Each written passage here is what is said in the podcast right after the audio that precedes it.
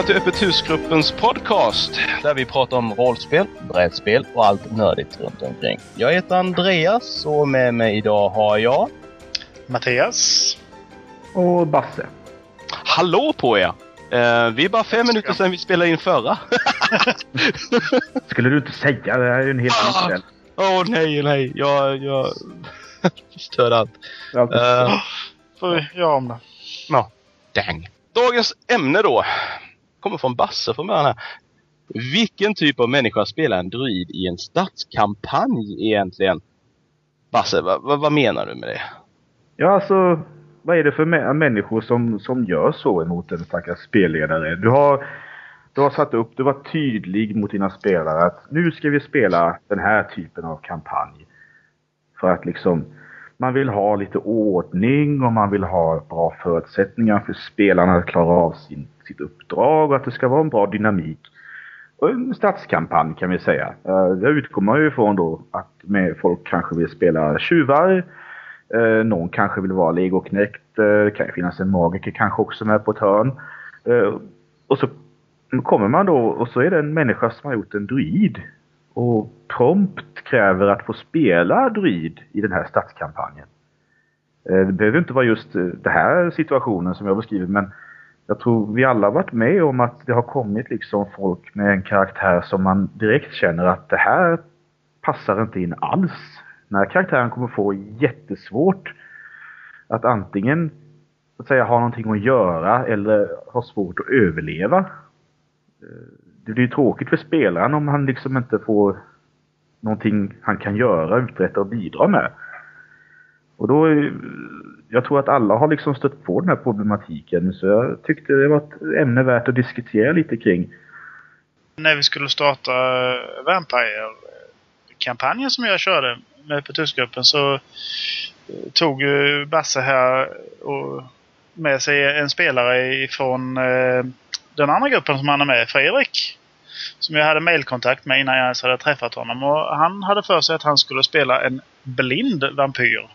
Och eh, det var ju en väldigt intressant utmaning när jag insåg detta. Det gav med mig direkt. Så, ja, men det är jättespännande. Så du har en bra bakgrund till karaktären och kör på det så. Så började jag fundera på hur i hela fridens namn ska man få in någon som är helt blind i detta?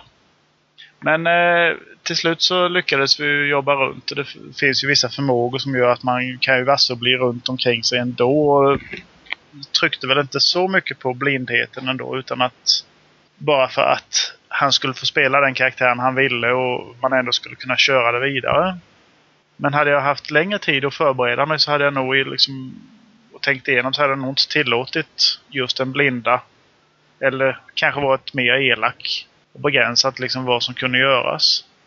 Varken du eller jag kände ju liksom Fredrik som spelare vid det tillfället. Men jag måste ju säga att han gjorde det jäkligt bra. Absolut. Och, och eh, väldigt roligt. Just det här med att skapa en karaktär.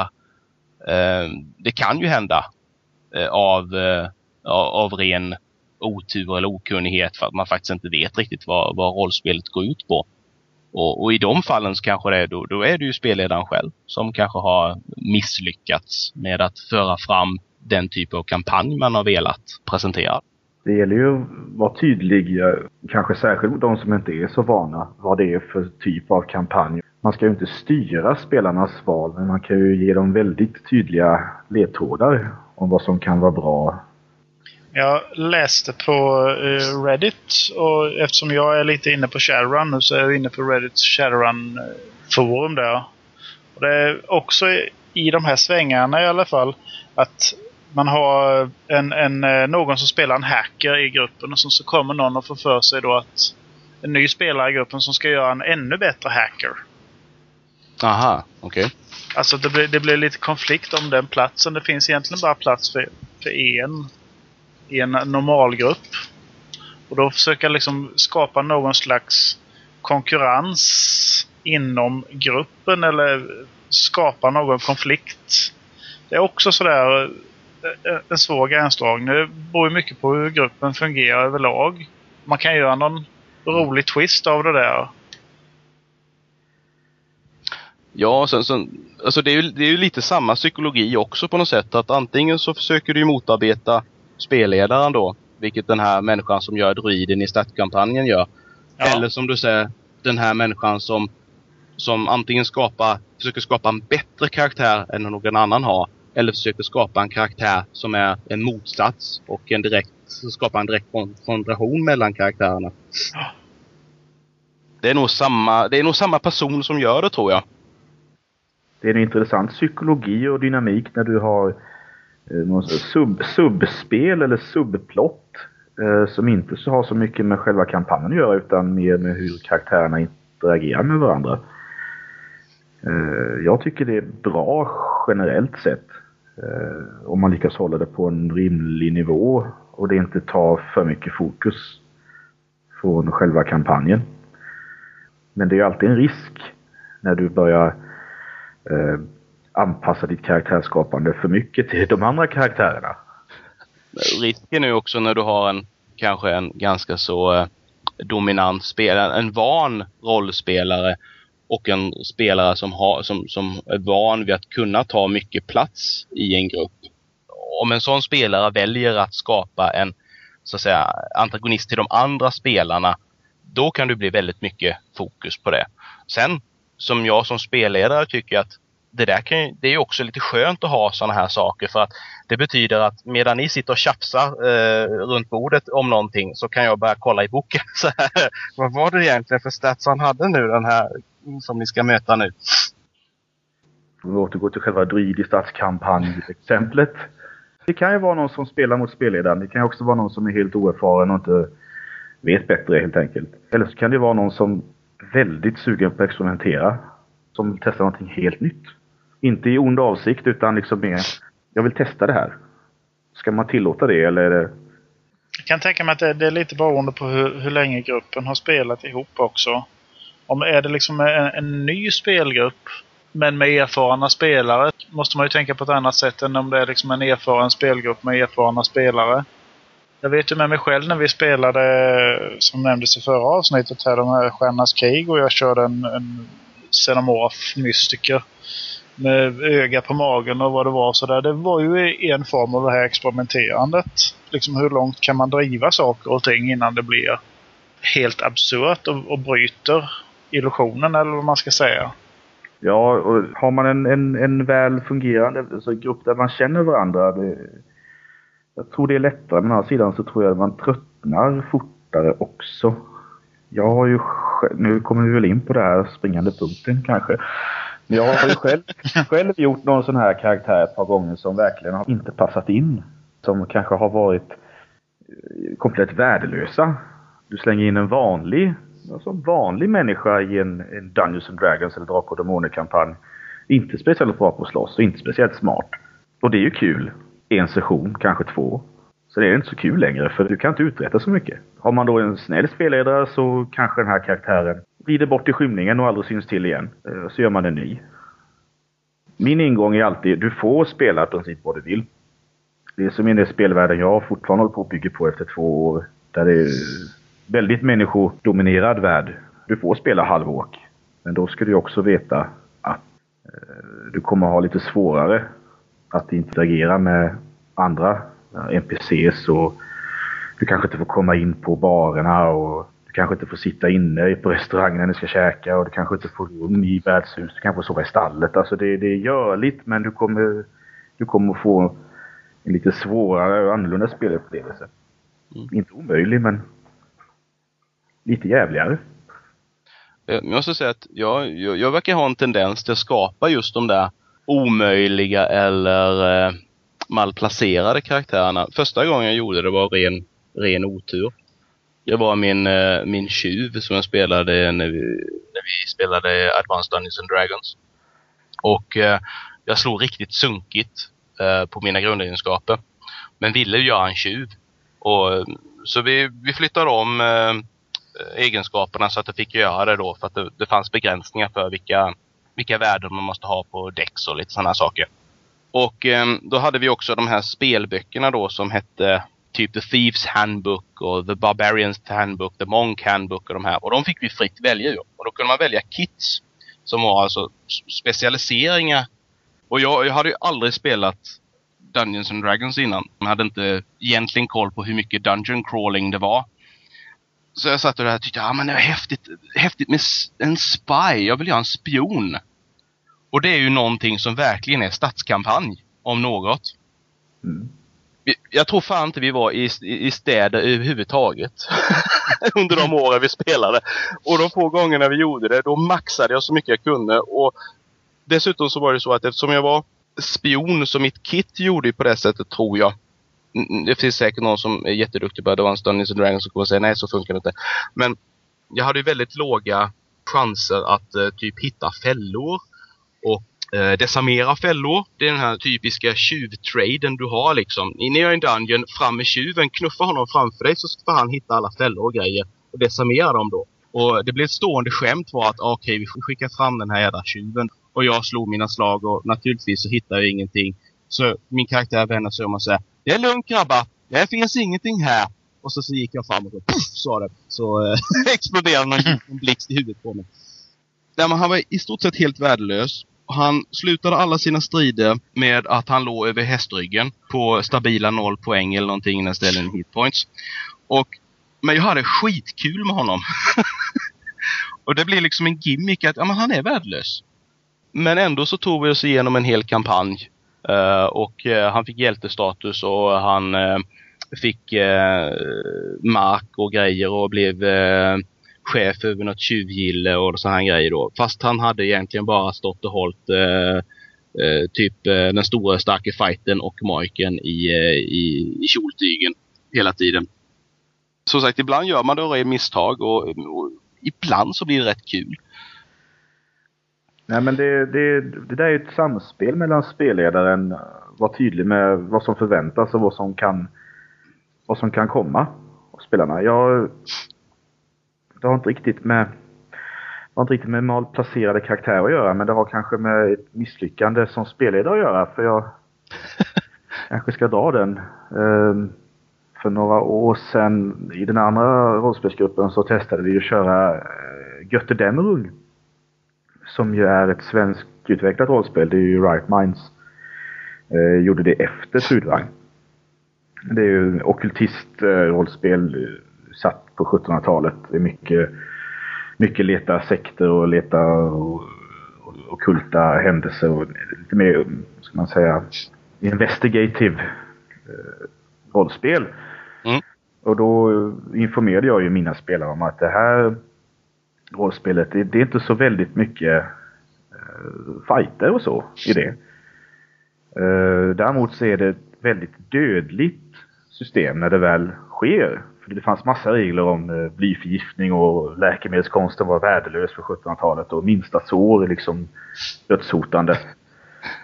Eh, men jag var ändå tydlig med att det här eh, tyngdpunkten ligger liksom på andra skills än just att slåss. Och sen så körde vi introduktionsäventyr som utspelar sig i någon tysk by man skulle leta efter. Uh, det kommer jag inte ihåg. Det var, det var en karaktär som heter Ibel Stahl i alla fall.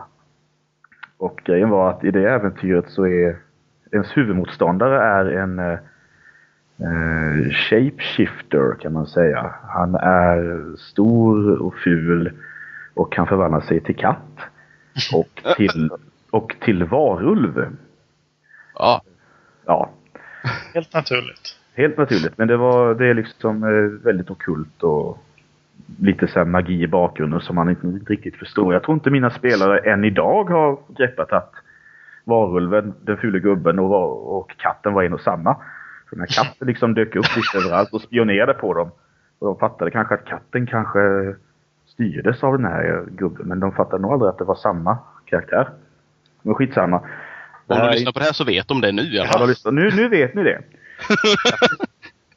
Men äh, grejen var att de äh, skulle in i någon krypta tror jag och leta efter någonting. Eller en grotta. Och enligt äh, äventyret då så skulle den här lunsen förfölja dem och ligga på lur utanför och spionera på dem och kolla vad de gjorde. Uh, och då, som goda rollspelare så hade de lämnat en vakt i entrén till grottan. eh, som får syn på den här. Eh, han hade dubbla tandrader och alltså det var, han var väldigt eh, ful och stor den här gubben. Eh, och eh, larmade och eh, då började de liksom eh, tog fram sina revolvrar och började skjuta på honom. Eh, han hade ett gevär och sköt tillbaka. Och sen eh, fanns det då angivet att när han nådde en viss skada så började han anta varulvsform. Eh, så de ser liksom att han försvinner bakom stenen som han suttit bakom. Eh, de eh, rusar fram och ser då att han ligger på marken och liksom skakar och vrider sig och att han håller på liksom att byta form. Och I det här skedet då så i en Call of Cthulhu-kampanj så kanske man hade sprungit.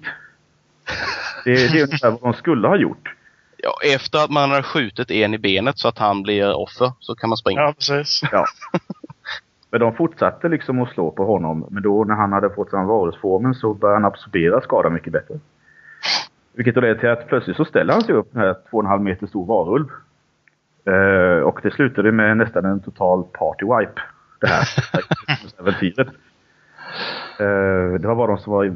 Ja, i princip var det som ni är inne på. Uh, han var för upptagen med att käka upp några stycken, så ett par stycken han undan. Men eh, då fick jag ganska mycket skit från den eh, gruppen. För jag hade ju gått ut och sagt att det är inte så mycket strider där. Och så första instruktionsäventyret så är det en varulv. Det är absolut ett av de jävligaste eh, monster som finns i grundreglerna i alla fall. och det kan jag förstå, så här i efterhand. Jag spelade det väldigt enligt reglerna. Jag tror till och med jag gjorde han lite sämre än vad han var egentligen. Men eh, det var något sånt där typexempel på miscommunication. Men det hängde också på att det var ett nytt rollspel för både mig och spelarna. Och eh, eh, det som stod i regelboken eh, kanske inte riktigt överensstämde med introduktionsäventyret vad gällde graden av strider. Jag, jag har gjort precis samma sak med Call of Cthulhu. Um, fast tvärtom lite på något sätt. Jag har gjort precis det här att eh, jo, det är inte så mycket strider och så vidare. Bra skills att ha det, library use, olika språk och så vidare. Och alla gör sina karaktärer och är jättenöjda. Och sen så slänger jag ett äventyr på dem där poängen är att man ska i princip ra rusa rakt in och ha ihjäl monstret. För monstret är inte så jäkligt. Men, men spelarna spenderade nästan två timmar med att bara försöka hitta information. Och det fanns liksom inte information så jag fick så här börja hitta på saker. Att, ja, nej men ni hittar typ det här och då står det så här och, och massa konstigheter. Eh, nu blev det ju liksom, nu funkade det i alla fall men det blev ändå lite sån här eh, antiklimax att jaha, skulle vi bara gå fram och slå han med en eldsfackla så funkar det. Jaha. ja var det inte svårare än så. Nej, precis. Och, och det är samma sak där. Det är liksom, jag borde ju ha kollat igenom det här äventyret mycket bättre. Och eh, liksom sagt att jo, men eh, allt är ju inte det här som, som, som det står liksom. Det, man måste, vara, man måste vara tydlig. Jag, jag var väldigt tydlig med att det är ett dödligt spelsystem. Eh, minsta skada och så vidare. Mm. Eh, men det de hade fastnat för var ju det andra jag sa, att det är inte så mycket strid. Nej. Nej. Så det blev lite olyckligt.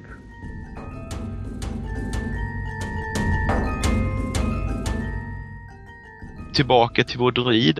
Om det hände i vår grupp just nu att vi ska spela vad som helst och sen kommer någon av er och gör en karaktär som är helt emot.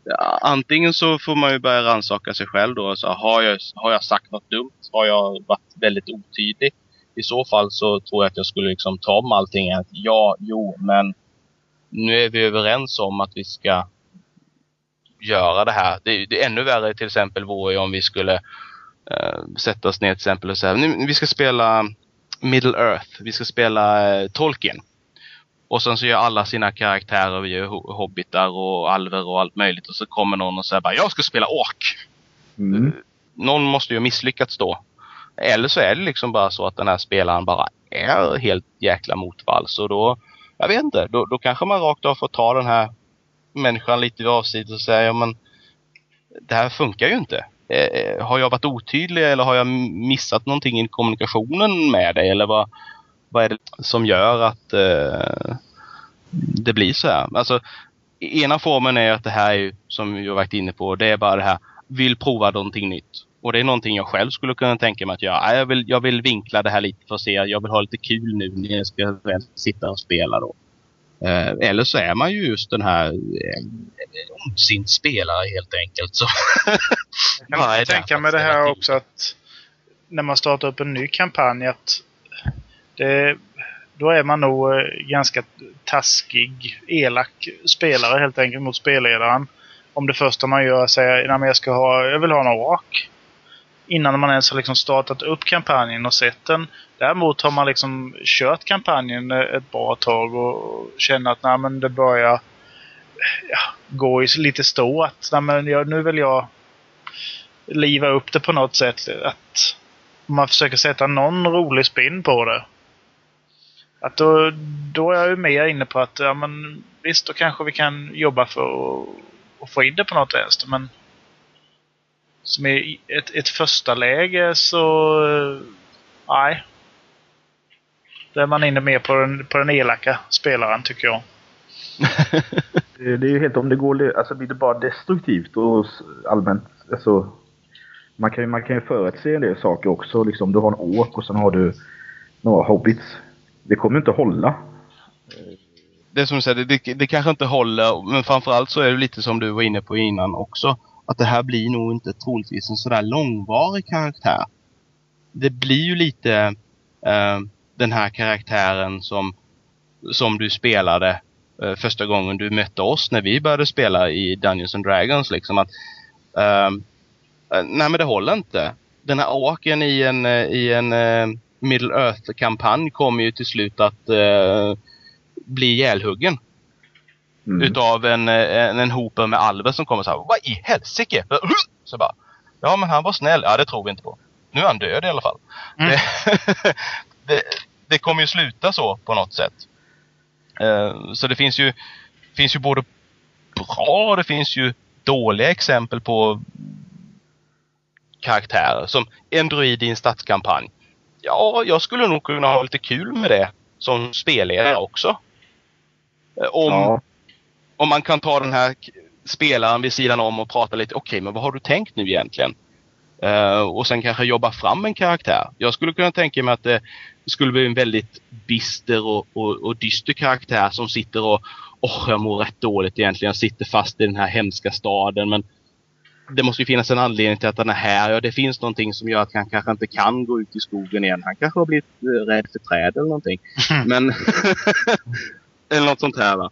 Ja, han kanske, han kanske ägnar hela sin tid och hela sin, alla, alla inkomster till att försöka anlägga en park i staden. Eller någonting sånt där. Han kan ju ha det som mål till och med. Liksom.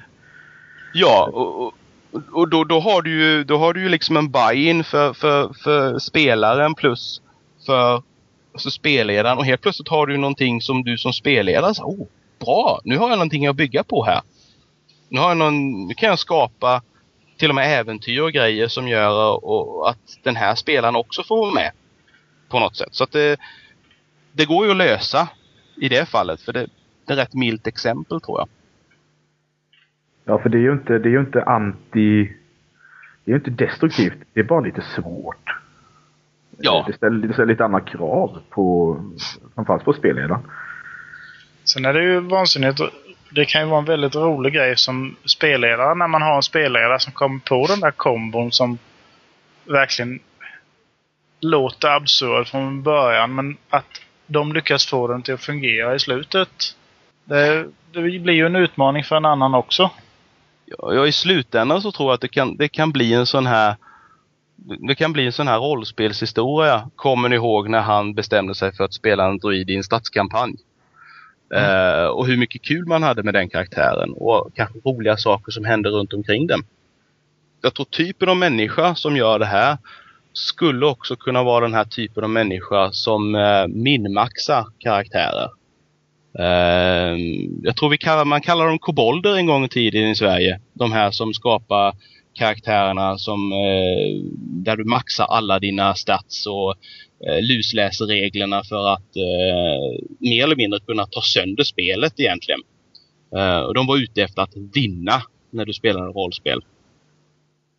Ehm, jag tror det är lite samma sak och det har jag också råkat ut för några gånger. Och det bekymrar mig nog mer än eh, de här sakerna.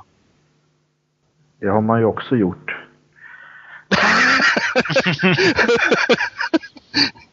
ja, alltså jag, jag hade någon troll, jag, i, när vi spelade Drakar och jag hade någon elementarist där.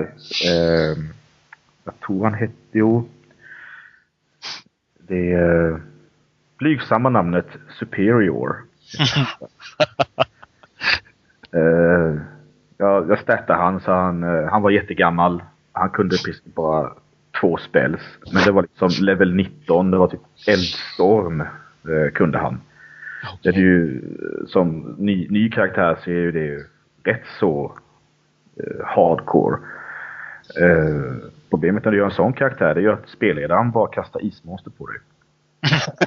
Eller elddemoner, alltså han, han gör liksom att din enda spel är verkningslös. Ja. Och, eh, Det är lite taskigt. Ja, men det får man ju liksom... Om man, om man, eh, om man koboldar på det sättet så kanske man får räkna med att oj, nu är jag så specialiserad så att jag är värdelös. eh, I vissa situationer. Men det var ju inte för att slå systemet, det var ju mer för att eh, maxa upp och göra han så jävla just det som möjligt. Det är återigen det här med att elda upp saker, det är jättekul.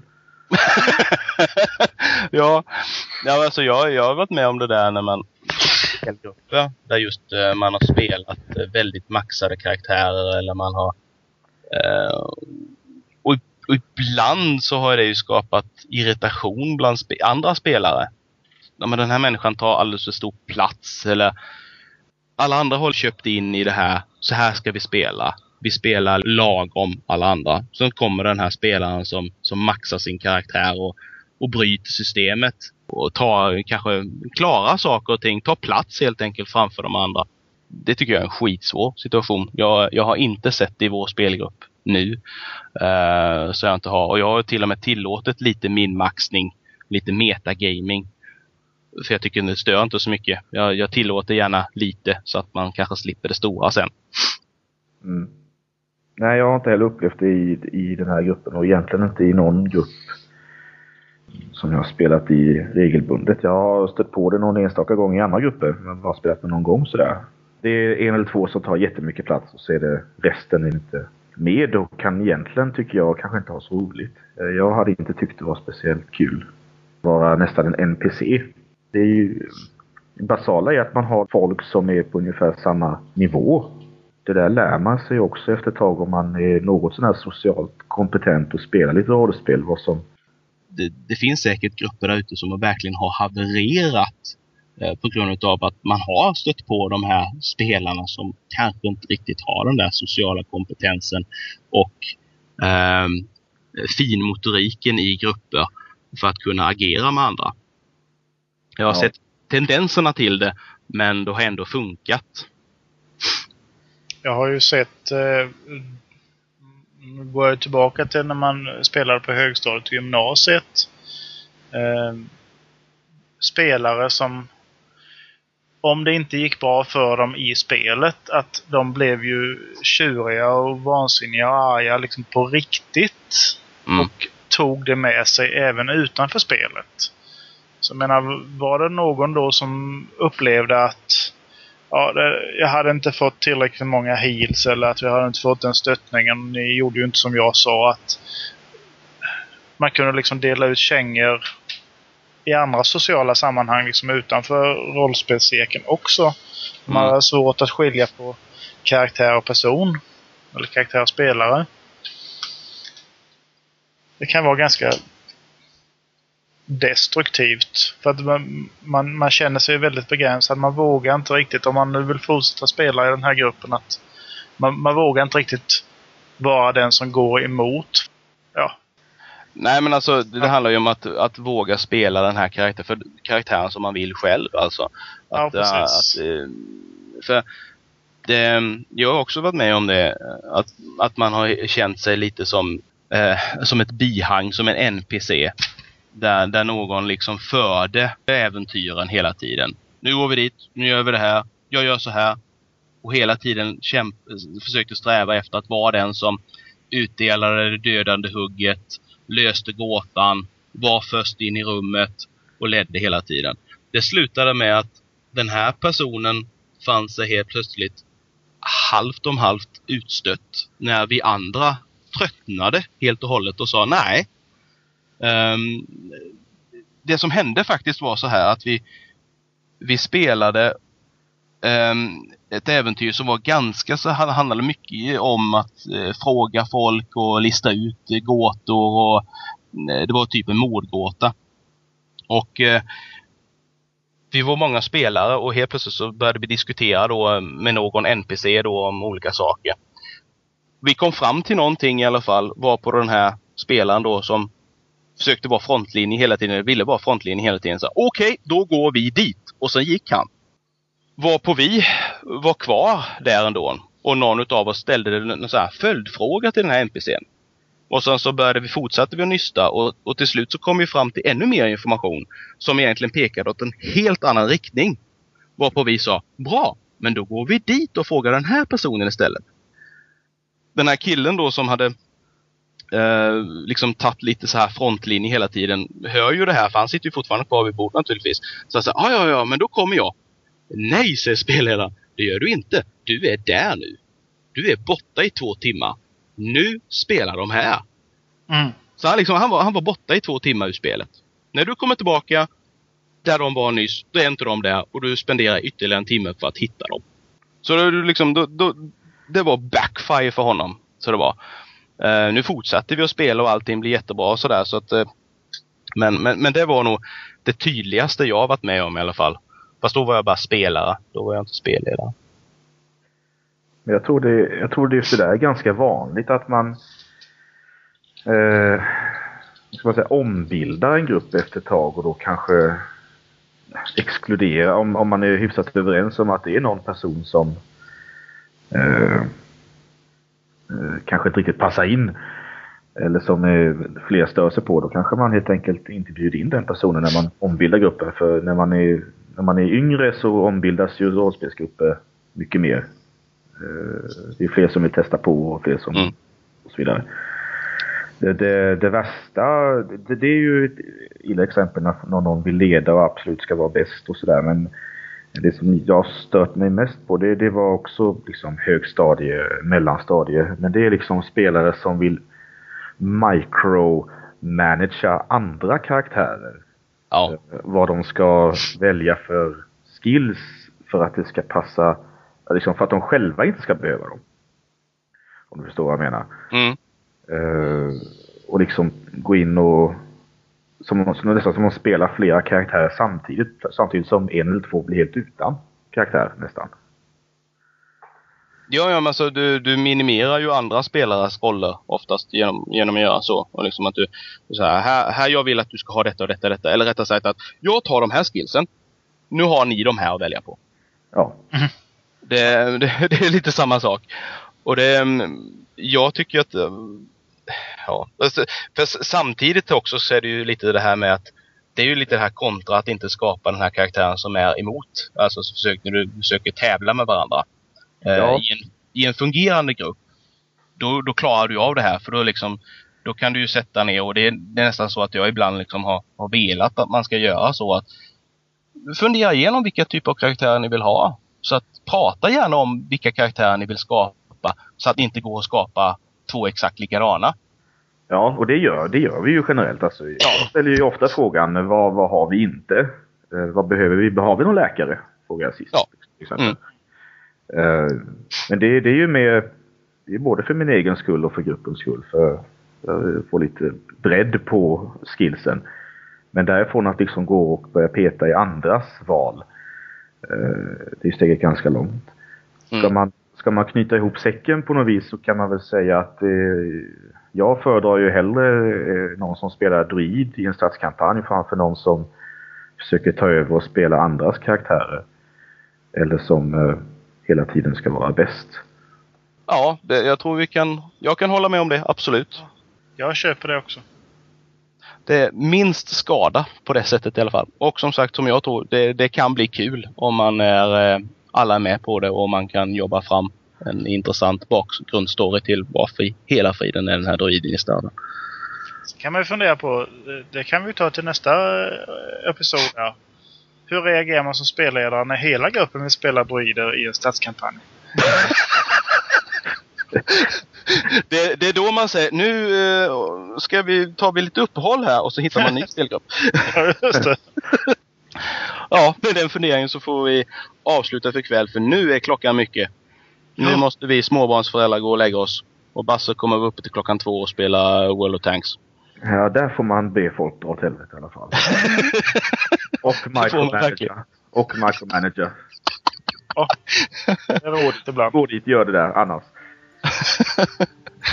Roligare efter en flaska vin också kan jag meddela. Det mesta blir mycket roligare efter en flaska vin. Inte för att vi eh, förespråkar att man ska dricka en flaska vin eh, sådär eh, när som helst. Men eh, tack så mycket mina herrar för avsnitt nummer två. Får vi se vad vi pratar om nästa gång. Tack så mycket. Tack, tack. Hej då! Hej då.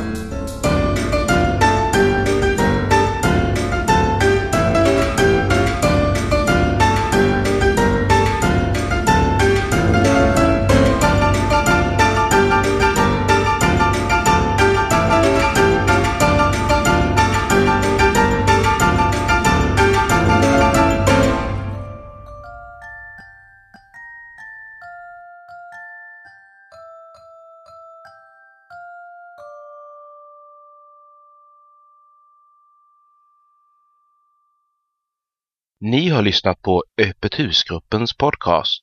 Besök oss på monsterworld.se för mer information och avsnittsnoteringar. Musiken ni har hört var The Canary av Kevin MacLeod. För mer om MacLeods musik besök incompetech.com. Den här podcasten är producerad under en Creative Commons erkännande, icke-kommersiell, inga bearbetningar 2.5 Sverige-licens.